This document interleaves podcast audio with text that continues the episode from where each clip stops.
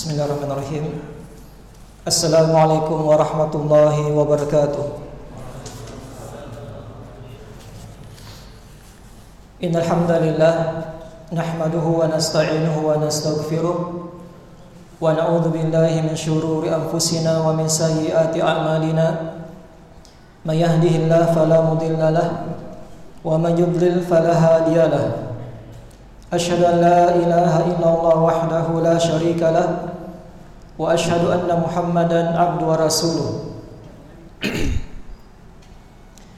يا أيها الذين آمنوا اتقوا الله حق تقاته ولا تموتن إلا وأنتم مسلمون. يا أيها الناس اتقوا ربكم الذي خلقكم من نفس واحدة وخلق منها زوجها وبث منهما رجالا كثيرا ونساء. واتقوا الله الذي تساءلون به والأرحام. إن الله كان عليكم رقيبا يا أيها الذين آمنوا اتقوا الله وقولوا قولا سديدا يصلح لكم أعمالكم ويغفر لكم ذنوبكم ومن يطع الله ورسوله فقد فاز فوزا عظيما أما بعد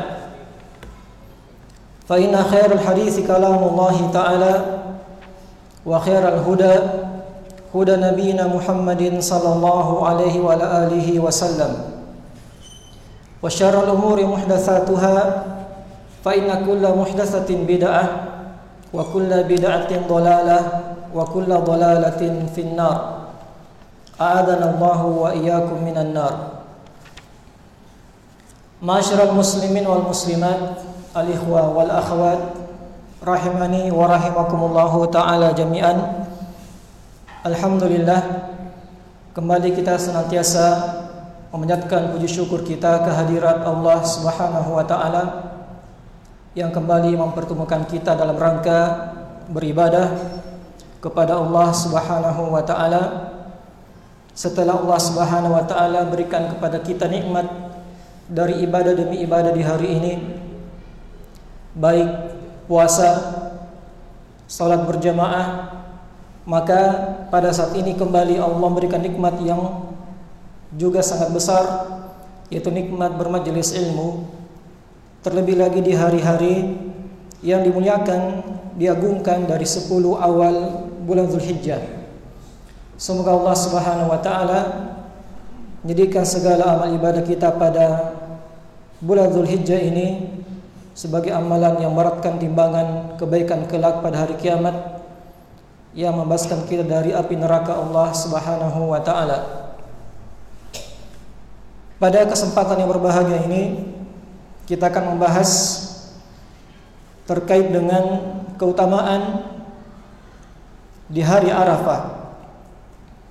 Baik dari keutamaan puasa dan ibadah secara umum di dalam hari Arafah. Perlu kita mengetahui bahwasanya hari Arafah adalah hari yang diagungkan. Hari yang dimuliakan dan diberkahi oleh Allah Subhanahu wa taala. Pada hari tersebut adalah hari yang dimana Allah Subhanahu wa taala menyempurnakan agamanya. Di mana Allah Subhanahu wa taala menurunkan ayat terakhir penyempurna 30 juz turun ayat al-yawma akmaltu lakum dinakum wa atmamtu alaikum ni'mati wa raditu lakumul islam madina potongan ayat al-maidah ayat 3 ini ayat ayat yang menyempurnakan agama.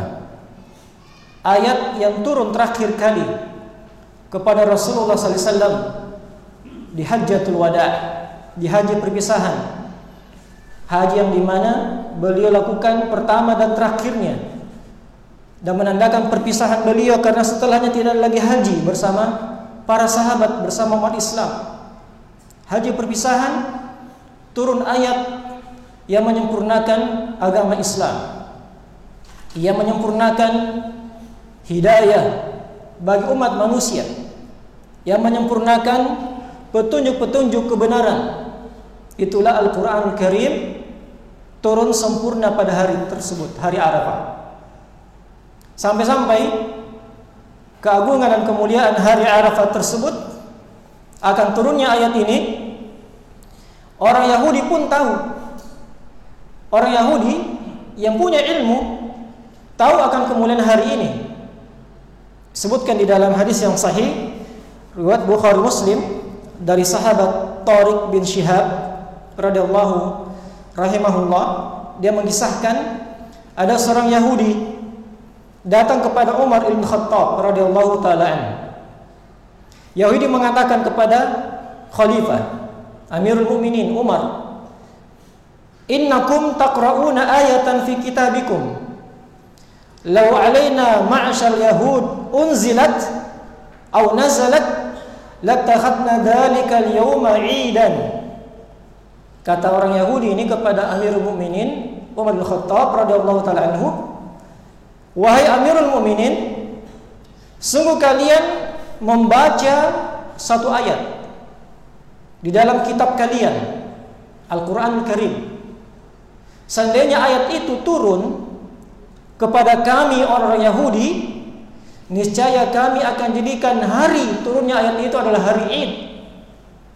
Lihat ya, orang Yahudi bilang, "Lau alaina ma'asyar Yahud nazalat latakhadna dzalikal yaum idan. Seandainya kepada kami orang Yahudi turun ayat itu, kami akan jadikan apa? Sebagai hari Id, hari rayanya orang Yahudi. Hari besar. Hari diagungkan. Ya. Maka tatkala mendengarkan pernyataan orang Yahudi ini, Umar bin Khattab bertanya. Dia bilang, "Kamu baca satu ayat dalam kitab kalian, Al-Qur'an." Maka Umar bertanya, Ayu ayat? Ayat yang mana yang kamu maksud? Wahai orang Yahudi. Ini orang Yahudi tahu ya. Ya. Qal dia mengatakan Yahudi membaca Al yauma akmaltu lakum dinakum wa atmamtu alaikum ni'mati. Ayat tersebut Al yauma pada hari ini. Nah, di sini disebutkan hari. Al yaum apa bahasa Arabnya? Artinya al yaum hari. Ya. Pada hari ini hari turunnya ayat tersebut.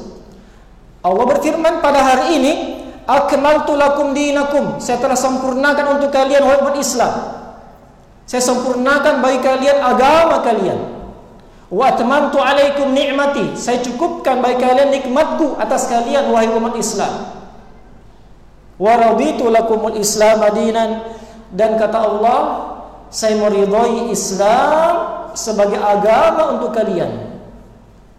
Sempurna ayat, sempurna agama, sempurna petunjuk dengan ayat terakhir ini.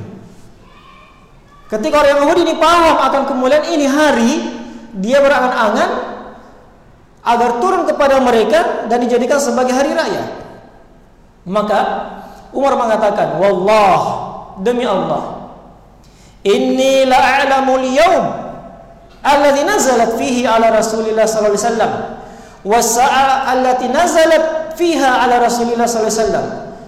Kata Umar bin Khattab, dia kan sahabat dari sahabat-sahabat pembesar, sahabat-sahabat bersama Nabi sallallahu alaihi wasallam. Dia tahu ketika ini turun, Nabi sampaikan kepada para sahabat di Hajatul Wada, Umar tahu akan kronologi sejarah turunnya ayat tersebut. Sehingga dia bilang, demi Allah, sungguh saya paling tahu hari kapan ini salam. Dan saya tahu as-sa'ah, bahkan tahu saatnya, tahu waktunya. Waktu kapan, saat kapan ayat itu turun kepada Rasulullah sallallahu alaihi wasallam. Ya, tegas Umar mengatakan, ini menyatakan dirinya apa? Betul-betul menyaksikan hari Arafah tersebut bersama Rasulullah ketika turun ayat ini. Beliau mengatakan radhiyallahu anhu, "Ya ta'arafa fi yaumi Jum'ah." Ayat ini turun pada sore hari Arafah, Asyiyah. Asyiyah apa? Hmm? Asyiyah itu di waktu petang. Sudah melewati zawal. Iya. Asyiyah ta'arafa di petang hari hari Arafah bertepatan yaum Jum'ah, bertepatan lagi dengan hari Jumat. Jadi Arafah bukan di hari-hari yang lain. Allah pilih hari itu sebagai hari yang dengannya Allah muliakan Islam. Allah ridhoi Islam. Allah jadikan penyempurna agama mereka pada hari tersebut, hari Arafah. Ya, dari sinilah sisi keutamaan hari Arafah. Menandakan apa? Islam jaya, sempurna agamanya. Al-Quran Karim telah sempurna 30 juz. Ini belakangnya baju biru. Kapan itu Ashura? Syawal?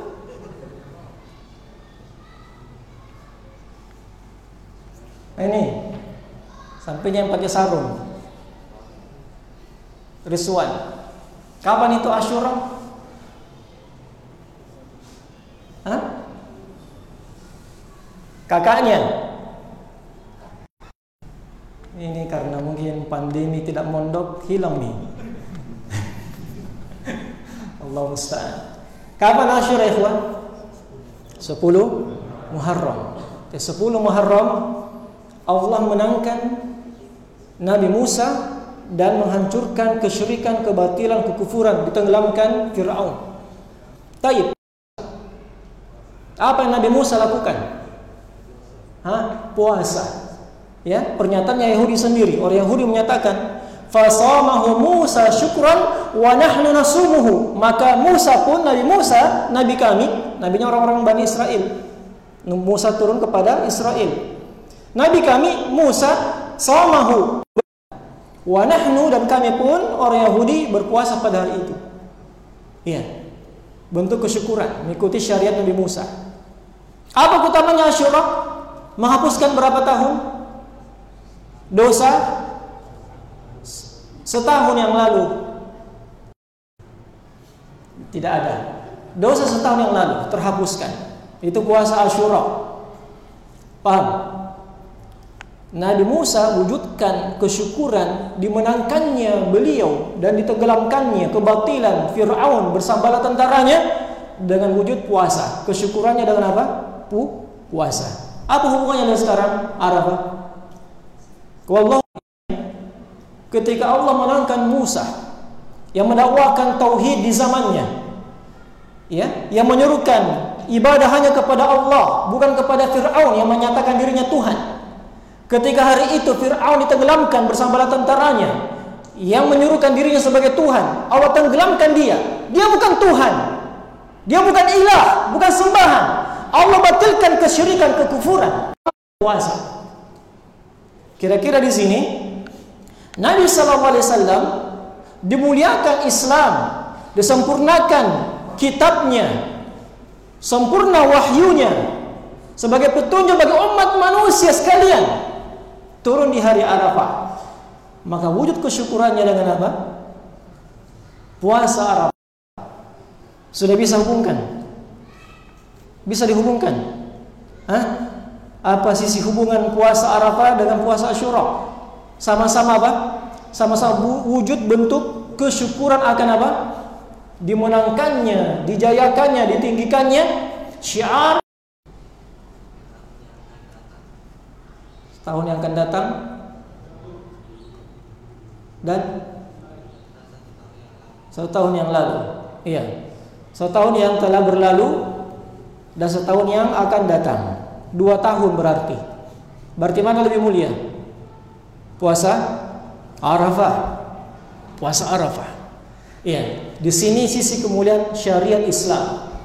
Allah muliakan puasa Arafah menghapuskan dosa dua tahun karena keberkahan syariat Nabi Muhammad sallallahu alaihi wasallam daripada syariat Nabi Musa. Ya. Daripada syariat Nabi Musa alaihissalam. Diangkat kemuliaannya Islam.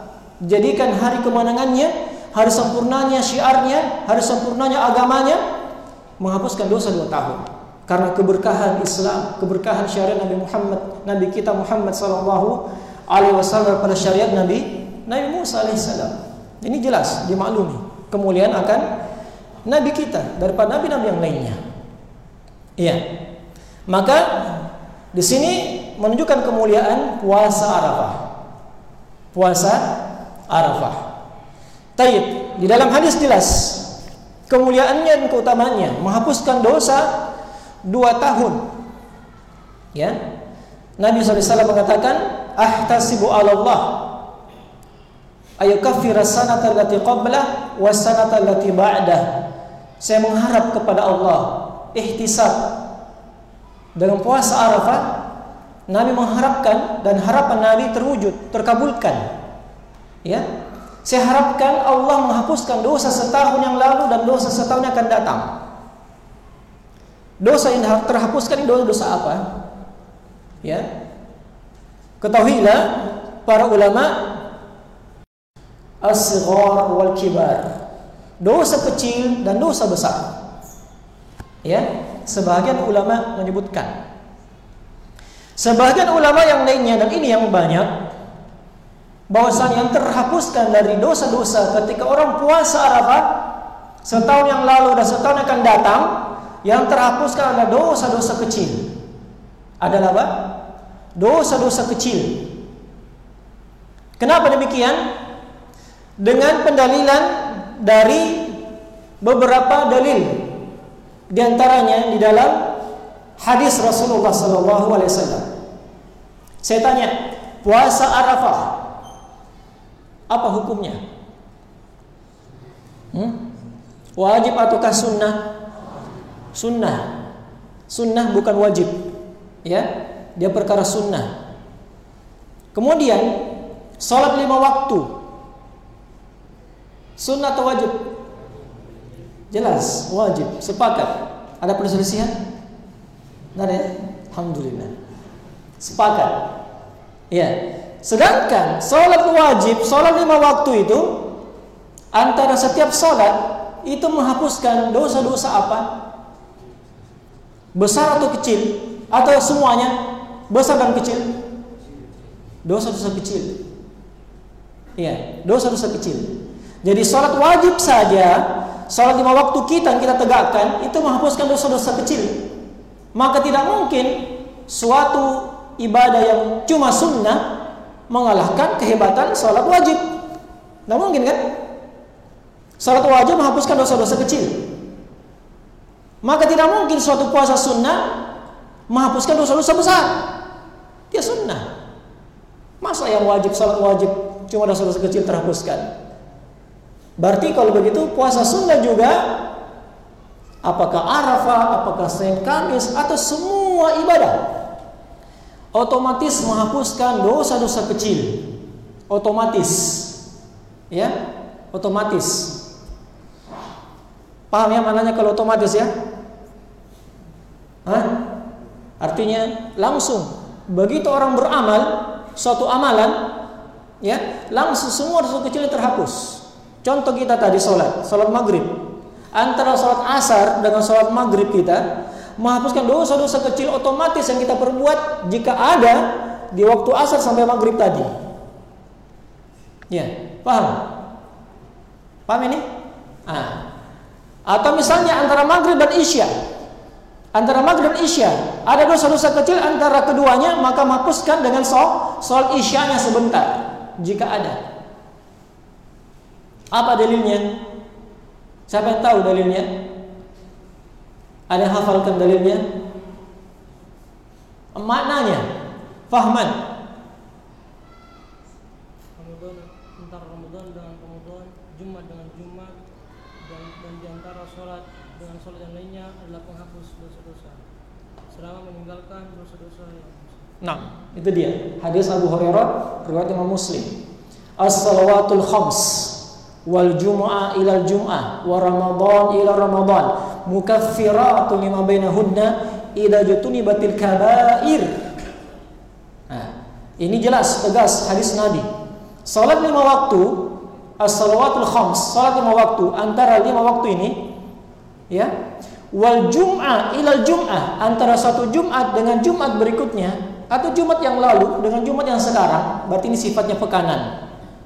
Wa Ramadan ila Ramadan antara Ramadan dengan Ramadan berikutnya atau Ramadan saat ini dengan Ramadan sebelumnya. Berarti ini sifatnya setah, setahun, jarak setahun. Nabi bilang antara lima waktu sholat, antara Jumat dengan Jumat pekanan, antara Ramadan dengan Ramadan tahunan, Itu adalah mukaffirat, penggugur-penggugur dosa-dosa. Mukaffirat, penghapus-penghapus. Lima bainahunna. Antara keduanya. Ini antara selama waktu kah? Antara Jumat dengan Jumat kah? Antara Ramadan dengan Ramadan kah? Menghapuskan antara keduanya. Kata Nabi kita. Tapi sambungannya perhatikan.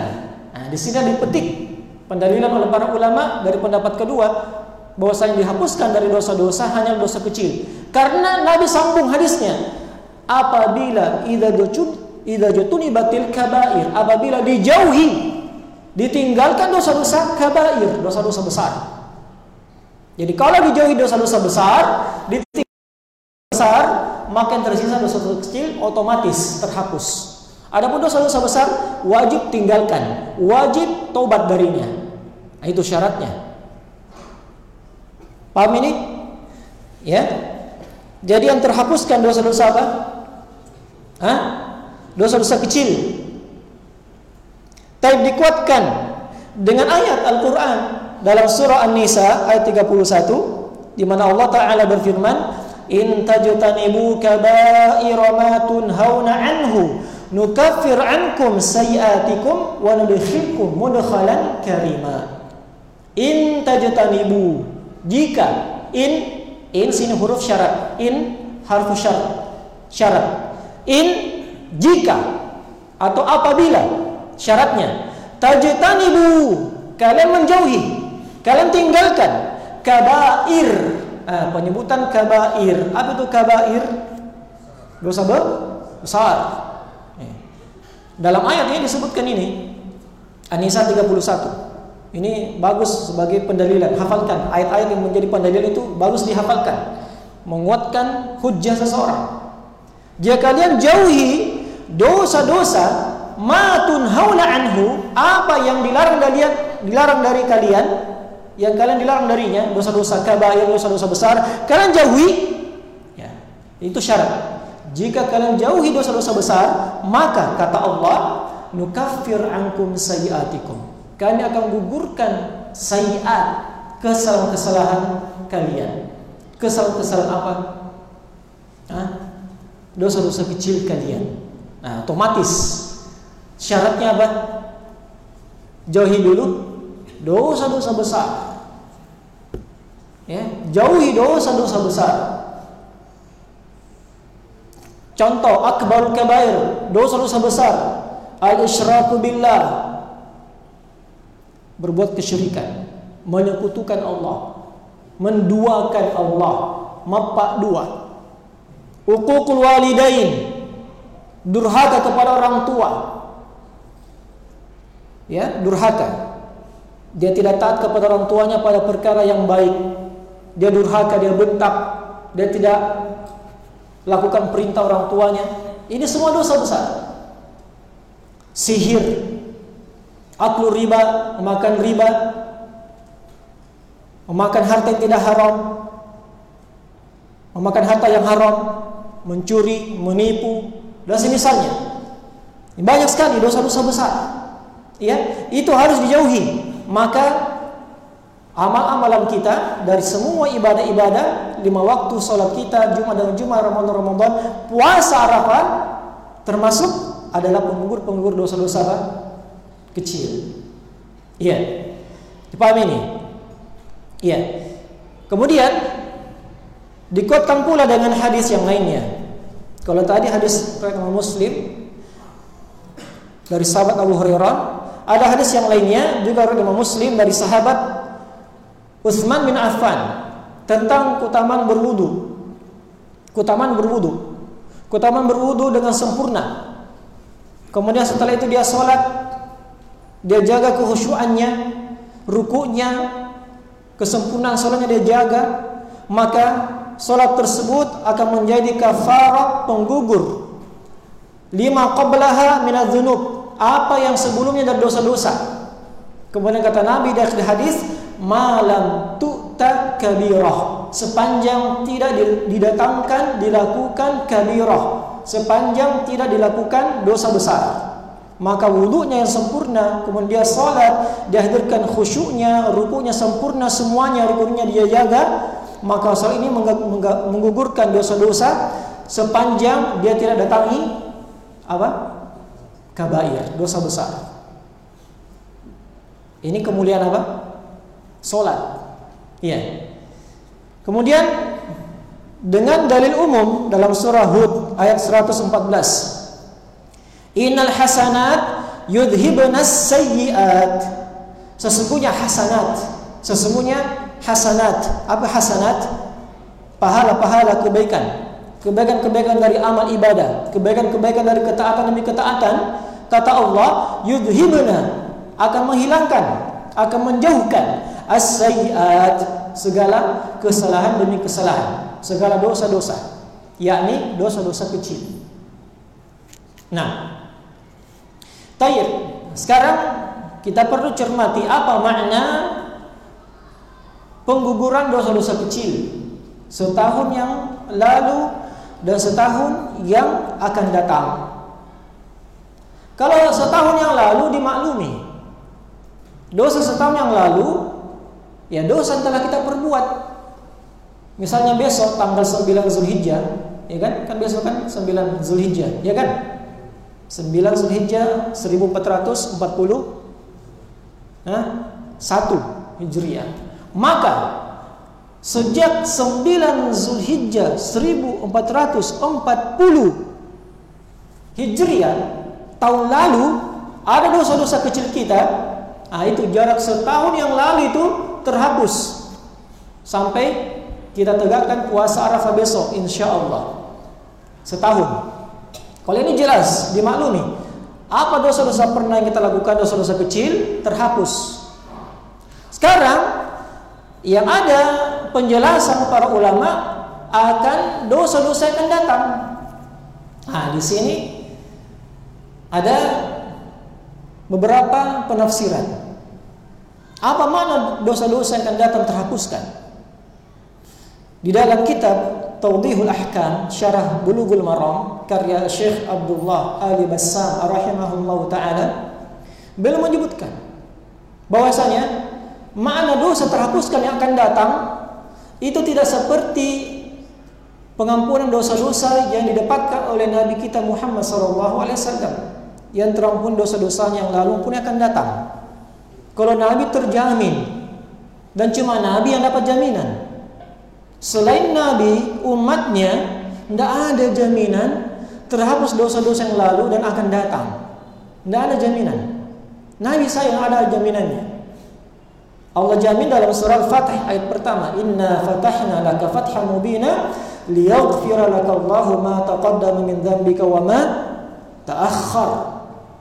Ya, agar Allah mengampuni dosa-dosamu yang lalu maupun yang akan datang.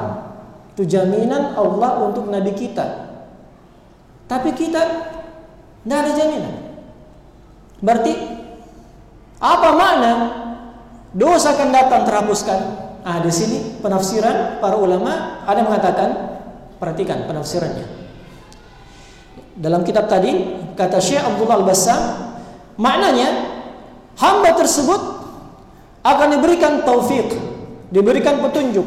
Taufik ini petunjuk oleh Allah Subhanahu wa taala Siapa yang berpuasa di hari Arafah besok, ya besok, insya Allah dia puasa Arafah, ikhlas karena Allah, terhapus dosa-dosa tahun lalu. Adapun tahun akan datang, maka orang yang berpuasa Arafah akan diberikan taufik oleh Allah, dia akan terjaga dari dosa-dosa. Dijaga, diberikan petunjuk oleh Allah untuk meninggalkan dosa-dosa. Ah, itu dia maknanya. Diberikan petunjuk untuk meninggalkan do dosa. Paham? Ayuwaffiqa sa'imahu wa ya'asimahu. Diberikan taufik orang yang berpuasa Arafah, kemudian Allah menjaganya, fala ya'ti maka dia tidak berbuat suatu dosa. Subhanallah. Ini makna. Tapi mungkin Ali bisa menjamin dirinya Ali bisa menjamin dirinya tidak akan berbuat terjatuh pada suatu dosa tahun yang akan datang. Sampai datang 9 Zulhijjah 1442 ada menjamin? Tidak ada bisa menjamin ya? Tidak ada bisa menjamin diri kita. Kalau yang menjamin dirinya itu namanya sok suci. Tidak boleh kita sok suci. Fala tuzakku anfusakum. Jangan kalian merekomendasi yang mengklaim suci mentazkiyah anfusakum. Diri diri kalian Kenapa? Karena Nabi sudah katakan, "Kullu bani Adam khata wa khair khata'in at-tawwabun." Semua anak cucu Adam itu pasti banyak berbuat salah, tapi sebaik-baik orang berbuat salah adalah yang at-tawwabun yang juga bertobat, sering bertobat, segera bertobat kepada Allah Subhanahu wa taala. Namun kita memohon memohon kepada Allah dari penjagaan tersebut. Dari keutamaan puasa Arafah tersebut kita diberikan penjagaan taufik untuk tidak terjatuh. Tapi jangan jamin ya. Kita mohon jangan sampai terjatuh. Kemudian mana lainnya? Atau kata Syekh, atau ya, ini mana yang bagus dari Syekh. Atau orang berpuasa Arafah, dia akan diberikan taufik oleh Allah untuk beramal-amal soleh untuk beramal dari amalan-amalan kebaikan, amalan soleh, ketaatan, di mana amalan soleh tersebut tukafir ma yaqa fiha Amalan soleh itu yang dia lakukan di tahun akan datang diberikan taufik oleh Allah dia akan berbuat begini tahun datang yang akan datang dia akan begini dan begini dia akan begini dan begini dari amalan kebaikan sudah ditakdirkan diberikan petunjuk maka amalan kebaikan yang akan dia perbuat tahun datang itu adalah sebagai penggur dosa-dosanya Paham ini? Nah, ini makna. Iya. Mana yang disebutkan oleh Syekh Abdullah Bassam. Ada mana lainnya yang disebutkan oleh Imam Nawawi rahimahullahu taala dalam syarah Sahih Muslim. Sebab hadis tadi, hadis tentang keutamaan salat lima waktu Jumat dengan Jumat Ramadan Ramadan itu riwayat Imam Muslim, maka Imam Nawawi menjelaskannya dalam syarah Sahih Muslim. Kata beliau, yang diinginkan dengan dosa-dosa yang dihapuskan ada dosa-dosa kecil kalau tidak ada dosa-dosa kecilnya, contoh-contoh ya. Sekarang, Alhamdulillah Allah berikan kita nikmat ibadah salat maghrib. Dan sebentar ini salat isya insya Allah sebentar. Jadi antara maghrib dan isya, apa itu? Penggu, penggugur. Kita dalam masjid, kita sedang taklim. Ada yang berbuat dosa sekarang ini dalam keadaan taklim? Dalam keadaan dia bermajlis sekarang? Dalam masjid ada yang berbuat dosa? Hah? Insya Allah tidak ada ya antara maghrib isya bisa dijamin. Mungkin ada bisa menjamin dirinya saya, saya sekarang maghrib isya ini tidak ada dosa-dosa walaupun kecil tidak ada. Saya cuma mendengarkan taklim, saya cuma berzikir kepada Allah, saya cuma menunggu waktu salat isya, saya cuma memamurkan masjid itikaf sekarang ini ibadah saja, tidak ada dosa dilakukan. Terus kalau tidak ada dosa dilakukan, apa fungsi salat sebentar, salat isya sebentar antara maghrib dan isya? Apa fungsinya? Ah, di sini kata Imam Nawawi. Kalau tidak ada dosa-dosa kecilnya, maka diharapkan rujia, diharapkan. Kalimat Imam Nawawi diharapkan artinya bukan kepastian, bukan pasti 100%, tapi diharapkan kepada Allah puasanya kah atau soal isyanya sebentar ini yukhaffif minal kabair, meringankan dosa besar yang pernah dilakukan.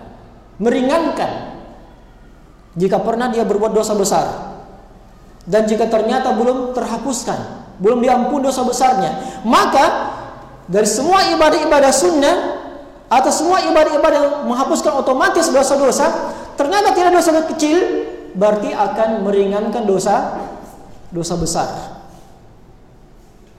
Terus sambungannya lagi, kalau tidak dosa besar dia perbuat, tidak ada dosa besar dia perbuat, Ah, contoh ya, contoh saja, contoh.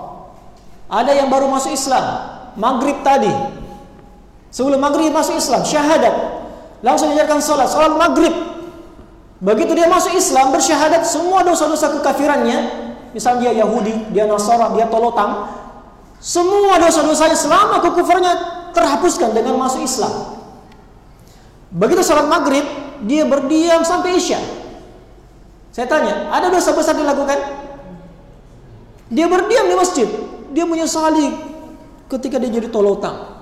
Dia jadi Kristen. Dia sesali nangis di masjid sampai Isya. Dia salat Isya. Tidak ada dosa kecil dia perbuat, tidak ada dosa besar dia perbuat. Terus apa manfaat salat Isya-nya nanti? Ah, di sini kata Imam Nawawi perhatikan. Kalau tidak ada dosa besarnya, fa'ilam takun, jika tidak ada dosa besarnya, rufi'at lahu darajat, diangkatlah derajat-derajatnya dengan amal ibadahnya tadi. Salat maghribnya, salat isyanya, puasa arafahnya, diangkat derajatnya. Kalau tidak ada dosa-dosa kecilnya, tidak ada dosa-dosa besarnya, maka derajatnya yang terangkat. diangkat dimuliakan di sisi Allah Subhanahu wa taala. Lihat. Nah, ini di antara makna-makna dari hadis ya dari para ulama. Jadi perlu kita cermati. Ya perlu kita cermati dan kalau dari makna-makna tersebut hendaknya mendorong kita membuat kita semangat untuk mengamalkan segala jenis ibadah yang mampu kita lakukan termasuk besok insya Allah puasa Arafah. Puasa Arafah. Iya. Taib sebelum kita tutup saya ingatkan bahwasanya besok insya Allah mulai ba'da fajar selain ada ibadah puasa Arafah yang telah kita niatkan malam ini kemudian berawal besok setelah fajar kita menahan. Menahan makan minum sampai maghrib. Ada juga ibadah yang lainnya, ibadah bertakbir di belakang sholat lima waktu. Setiap sholat lima waktu mulai besok, mulai subuh hari Arafah, setelah sholat, Assalamualaikum warahmatullah, Assalamualaikum warahmatullah. Dia beristighfar tiga kali, Allahumma antas salam, seterusnya. Kemudian baru bertakbir.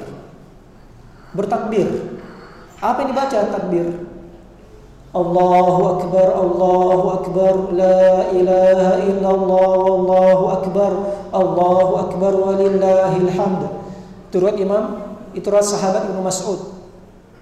Ada juga riwayat Allahu Akbar kabira, Allahu Akbar kabira, Allahu Akbar kabira, Allahu Akbar wa ajal, Allahu Akbar walillahil hamd.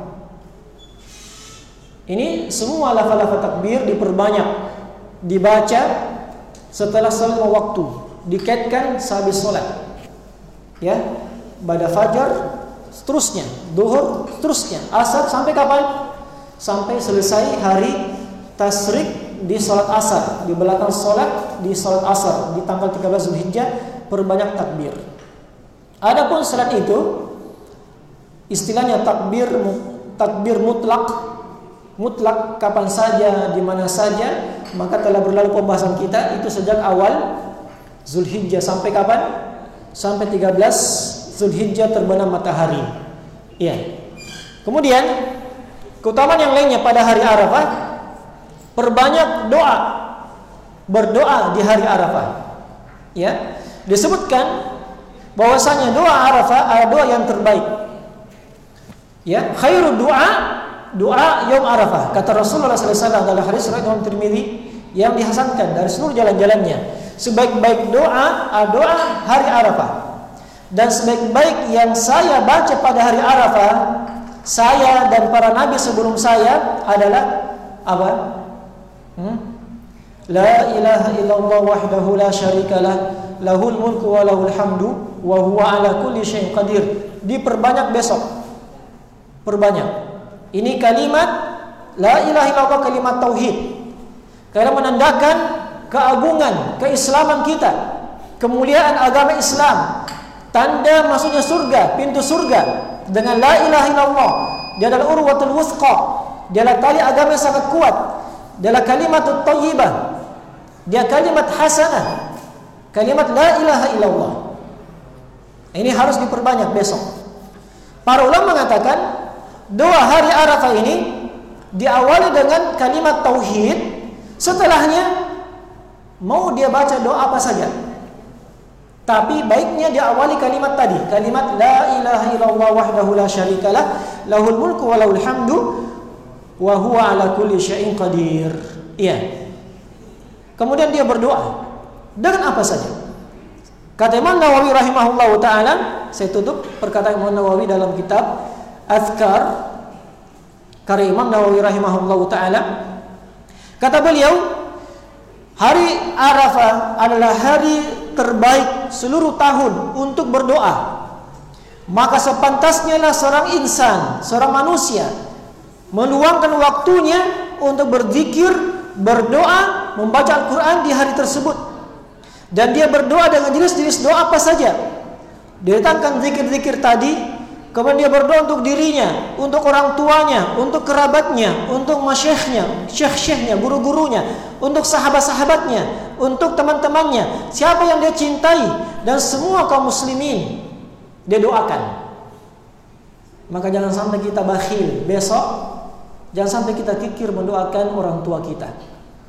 Teman kita, sahabat kita, kaum muslimin doakan seluruhnya. Pada hari Arafah karena hari apa? Hari terbaik untuk berdoa kepada Allah Subhanahu wa taala, apalagi ada waktu mustajabah yang lain, dia kumpulkan Arafahnya dan puah puasanya.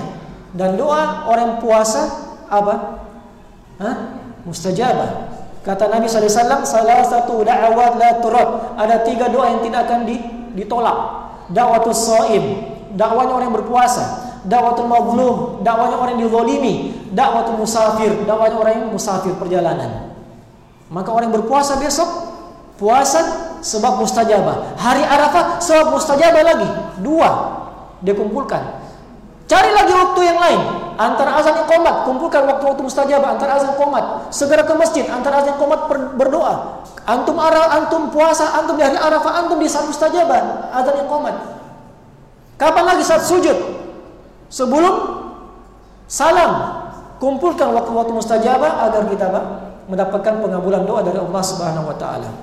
Nah, Subhanallah bihamdik asyhadu an la ilaha illa anta astaghfiruka wa atubu ilaik wa akhdawana alhamdulillahi alamin assalamualaikum warahmatullahi wabarakatuh